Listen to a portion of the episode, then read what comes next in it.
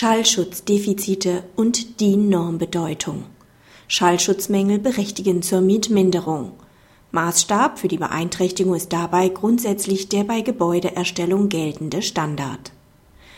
In einem dem BGH jetzt vorliegenden Verfahren mindert der Mieter in einem 2001-2002 errichteten Gebäude wegen Mängeln in der Trittschalldämmung der über ihm gelegenen Wohnung die Miete. Der Schallschutz entspricht nach seiner Ansicht nicht der Qualität mittlerer Art und Güte. Der BGH folgt dieser Auffassung nicht. Das Gebäude wurde unter Einhaltung der entsprechenden DIN 4109 von 1989 erstellt.